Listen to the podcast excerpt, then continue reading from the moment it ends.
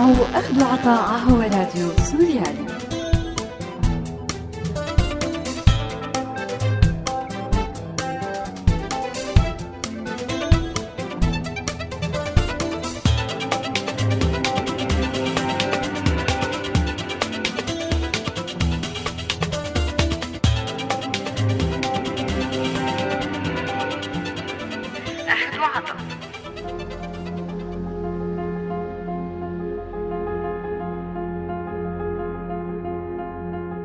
أعزائي المستمعين أهلا وسهلا فيكم. رح أكون معكم أنا غالية استثنائيا بحلقة اليوم من برنامج أخذ وعطا وبذكركم أنه هذا البرنامج بالتعاون مع مبادرة كلنا مواطنون.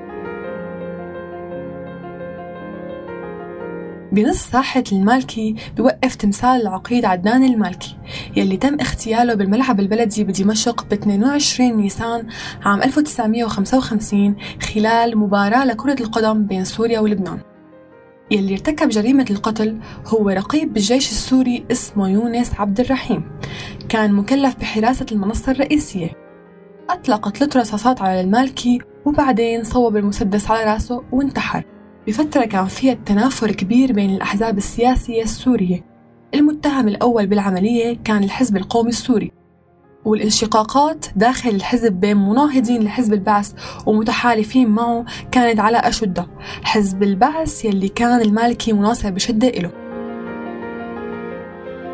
المالكي يلي نجا من الموت بعد الاحتلال الفرنسي وحرب فلسطين قضت عليه عملية اغتيال لأسباب سياسية داخلية. الاغتيال السياسي بسوريا ما كان سمة مميزة بالبلد بعد الاستقلال ويلي كانت السمة المميزة إلى الانقلابات والمحاكمات العسكرية.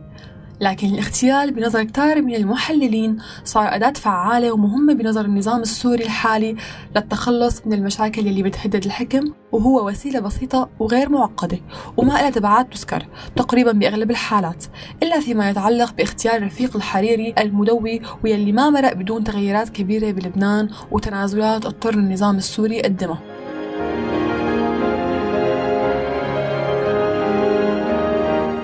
بحلقتنا اليوم رح نحكي عن أهم الاختيارات السياسية بسوريا بالعصر الحديث وخاصة بعهد النظام السوري الحالي. بعد الفاصل خليكم معنا.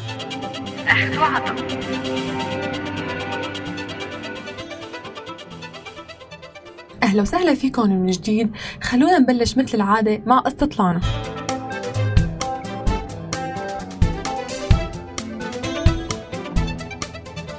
برأيك مين ممكن يلجأ للاغتيالات السياسية وليش؟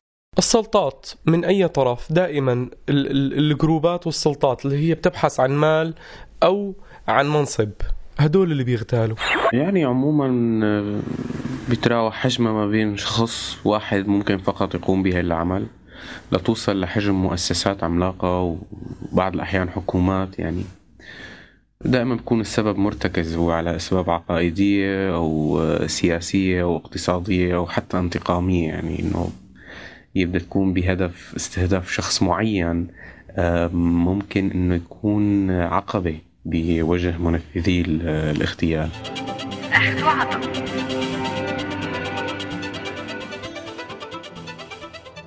بحزيران 1980 اغتيل صلاح الدين البيطار أحد المؤسسين التاريخيين لحزب البعث في باريس على باب صحيفته الإحياء العربي واللي كانت بتحمل الاسم الأول لما سيعرف لاحقا بالبعث. البيطار كان له ثقل رمزي كبير كون المؤسس التاريخي الثاني للحزب إلى جانب ميشيل عفلق. وكان على رأس الحكومات متتالية بين عامين 1963 و 1966 يعني قبل ما ياخذ البعث وبشكل نهائي الطابع الفئوي الشمولي يلي أخده من وقتها لهلأ. حاول رأس النظام السوري بهداك الوقت أنه يأمن تغطية رمزية عقائدية للنظام البعثي بسوريا. عن طريق استمالة البيطار يلي رفض هذا الشيء. وبعد فشل المباحثات بين الأسد والبيطار وكتاباته المتشائمة جدا والاستشرافية للمجازر اللي كانت رح توقع بعد سنتين بحما اغتيل بمنفى بعملية ما دلت على الفاعل بأدلة صريحة. هالاغتيال تبعه بشوي محاولة فاشلة لاغتيال عصام العطار زعيم الإخوان المسلمين بسوريا. أيضا بالمنفى بألمانيا وراح ضحية المحاولة زوجته بنان الطنطاوي. عم تسمعوا أخذوا عطاء على راديو سوريالي الاغتيالات بسوريا ما كانت فقط ضد معارضين النظام أحيانا كثير كانت تستهدف رجال من النظام نفسه بعد ما احترقت وراءهم أو ارتكبوا خطأ لا يغتفر أو كانوا بيعرفوا أكثر من اللازم. بسنة 1969 انتحر العقيد عبد الكريم الجندي ويلي كان بهداك الوقت بيشغل ثلاث مناصب. عضو في القيادة القطرية للحزب ومدير مكتب الأمن القومي ومدير المخابرات العامة. انتحر بعد مكالمة هاتفية مع رئيس شعبة المخابرات العسكرية علي زازا بعد خلاف شديد بينه وبين الأسد بمؤتمر الحزب في يعفور. آخر شباط. وكان العقيد بوقتها منحاز لصلاح جديد. بعد سنين طويلة وبعد استلام الأسد الإبل للرئاسة سنة 2000 قيل إنه محمود الزعبي رئيس الوزراء السوري انتحر بعد إلزامه بالإقامة الإجبارية. وبعد اتهامات له بالفساد واستدعائه للتحقيق معه كتير النظريات يلي انبنت على هاي الحادثة. منا أنه انتحر فعلا ومنا أنه قتل ومنا أنه أجبر على الانتحار بعد ما هدد بفضح بعض الملفات المرتبطة بالنفط السوري. المؤكد أنه الزعبي رئيس البرلمان السوري تمت بهدلته إعلاميا بحملة مفاجئة بعد فترة قليلة من عباراته الشهيرة. إجماع المجلس المرتبطة بالتعديل الدستوري المرتبط بشرط العمر واللي سمح للرئيس الحالي بشار الأسد إنه يرشح حاله لرئاسة الجمهورية.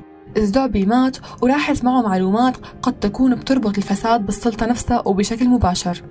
فاصل ومنرجع. عم تسمعوا أخذوا عطاء على راديو سوريالي.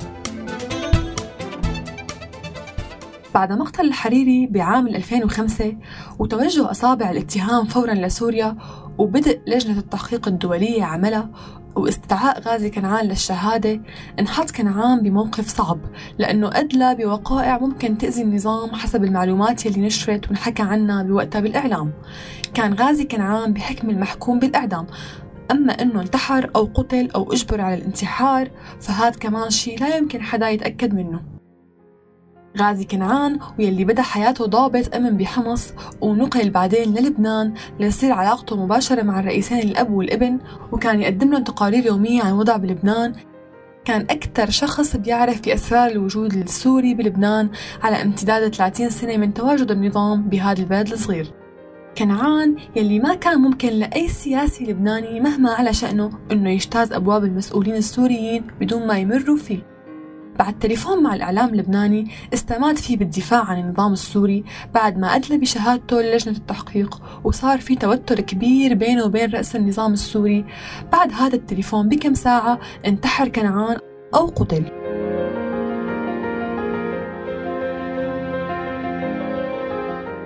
الحقيقة أنه اغتيال الحريري حرك بنظر البعض مجموعة من الاغتيالات الثانية واللي مرتبطة بالتخلص من كل مين بيعرف أي أسرار ممكن تورط النظام بمقتل الحريري.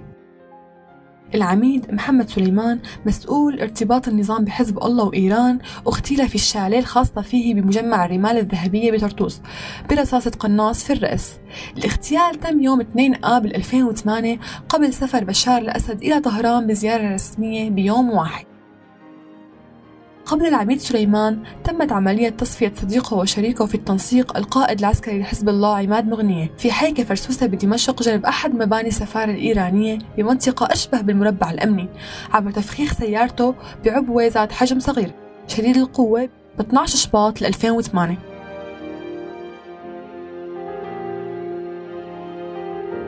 الإعلام السوري سارع لاتهام الموساد الإسرائيلي بنفس الوقت يلي سارعت فيه إسرائيل بنفي علاقة الموساد بالموضوع. ملف التحقيق بالقضية بحسب بعض المصادر يلي لا يمكن التأكد من صحتها نقل من يد آصف شوكت يلي كان دائما موضوع شك بالنسبة للرئيس لابن خالته حافظ مخلوف بأمن الدولة. عماد مغنية يلي كان 30 سنة متخفي وما حدا حتى بيعرف اسمه الحركي الحج رضوان كتير غريب إنه يخترق امنيا إلا من دائرة ثقة بتعرف تحركاته بالخطوة. وهذا الشيء اللي بيخلي اغتياله كتير غريب إذا ما كان لدائرة الثقة هي ومنها النظام السوري وحلفائه إلى إيد بالموضوع. فاصل ومنرجع.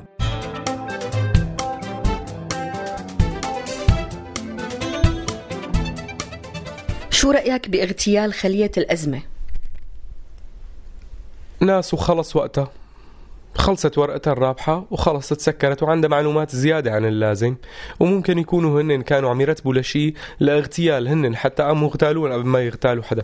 يعني عموما هو الأمر مبهم وغير واضح يعني وجلي بشكل صحيح يعني يعني ربما يكون في انعدام ثقة ما بين الخلية خلية الأزمة وبشار الأسد. ربما كانوا ممكن يشكلوا خطر على وجوده في الحكم أو أو حتى يمكن ربما ضرب عصفورين ما بيقولوا بحجر واحد. الأول هو اغتيالهم آه، الثاني هو التشكيك بمصداقية الثورة وإعلان فشلها سلميا. بعدما تم تسريب فيديوهات لأحد الألوية ما بقى أذكر اسمه يمكن لواء الصحابة. إنه هو المسؤول عن العملية طبعا إنه ظهر كثير الموضوع للعلن إنه الموضوع مفبرك يعني فكل الأمور آه، واردة شو رأيك باغتيال النظام لقادة الجيش الحر بالنهاية هن هن بيغتالوا بعض ومو بس مو بس النظام بيغتال قادة الجيش الحر، الجيش الحر بيغتال منهم. فهن جروبات كلياتها وهي الجروبات ما ما عندها ما عندها دين، ما لها دين. بما فيهم النظام. النظام ماله دين والجيش الحر ماله دين. أنا ضد كل الأطراف اللي عم تقتل الهدف الحقيقي أنا بظن من اغتيال قادات الجيش الحر هو إعادة آه، ترتيب الأوراق على الساحة الدولية بشكل أفضل بما يناسب تطلعات آه، الروسية والأمريكية.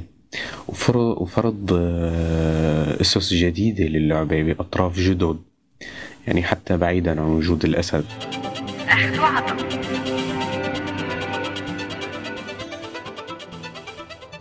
غير مقتل خلية الأزمة بالنصف الثاني من العام 2012 كتير بمسار الأحداث بالحرب السورية. بعد هي الحادثة تحولت الأحداث بسوريا لحرب حقيقية. ومع أنه سارعت بعض الجهات المعارضة لتبني العملية ونسبة للثوار بدون أي دليل إلا أنه كتير من تكهنات قالت أنه هي العملية كانت مدبرة من النظام نفسه. بعد ما شاعت فكرة انقلاب أو تحرك ضد السياسة المتبعة من قبل النظام بإدارة الأزمة السورية.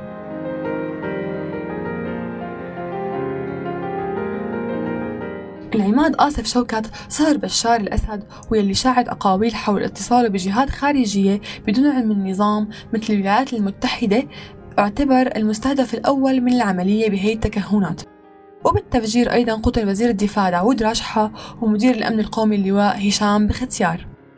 قتل أيضا بالأعوام الماضية مجموعة من رجال الدين منهم موالين للنظام السوري مثل الشيخ محمد سعيد رمضان البوطي ومنهم مناوئين للنظام مثل الشيخ وحيد البلعوس الدرزي واللي كان له دور كبير بدفع الشباب بمحافظة السويدة لعدم المشاركة بالعمليات العسكرية والالتحاق بالجيش النظامي.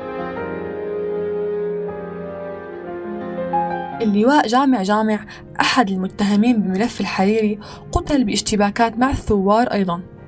ومع مقتله ما ضل من المسؤولين يلي مرتبط اسمهم بملف الحريري إلا رستم غزالي يلي قتل أيضا بعد فترة نتيجة إصابته بعد ما قيل إنه اشتباك بينه وبين عناصر من الأمن العسكري نتيجة خلاف داخلي.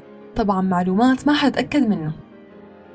اغتيال الحريري كان البداية لسلسلة اغتيالات بلبنان. كمان طالت شخصيات سياسية وصحفية وضباط كلهم من مناوئين النظام السوري.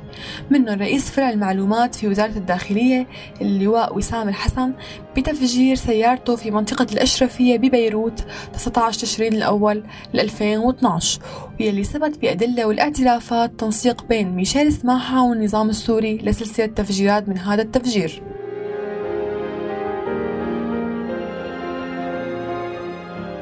ومع بدء المباحثات بين المعارضة والنظام والتحرك الدبلوماسي الدولي.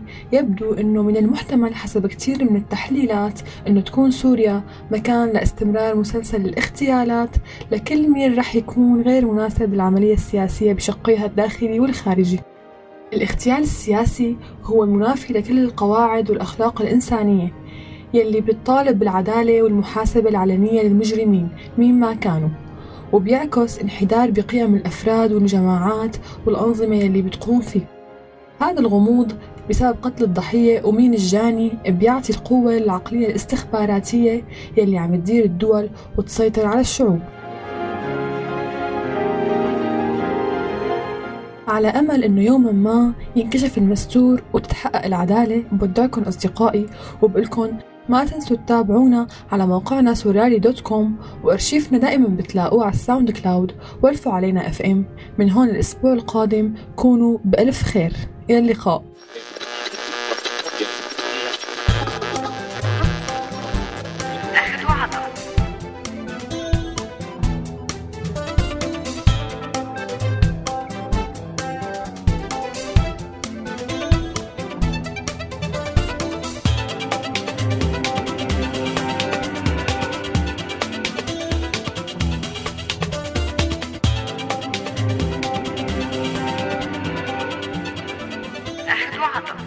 هذا البرنامج من إنتاج راديو سوريالي 2016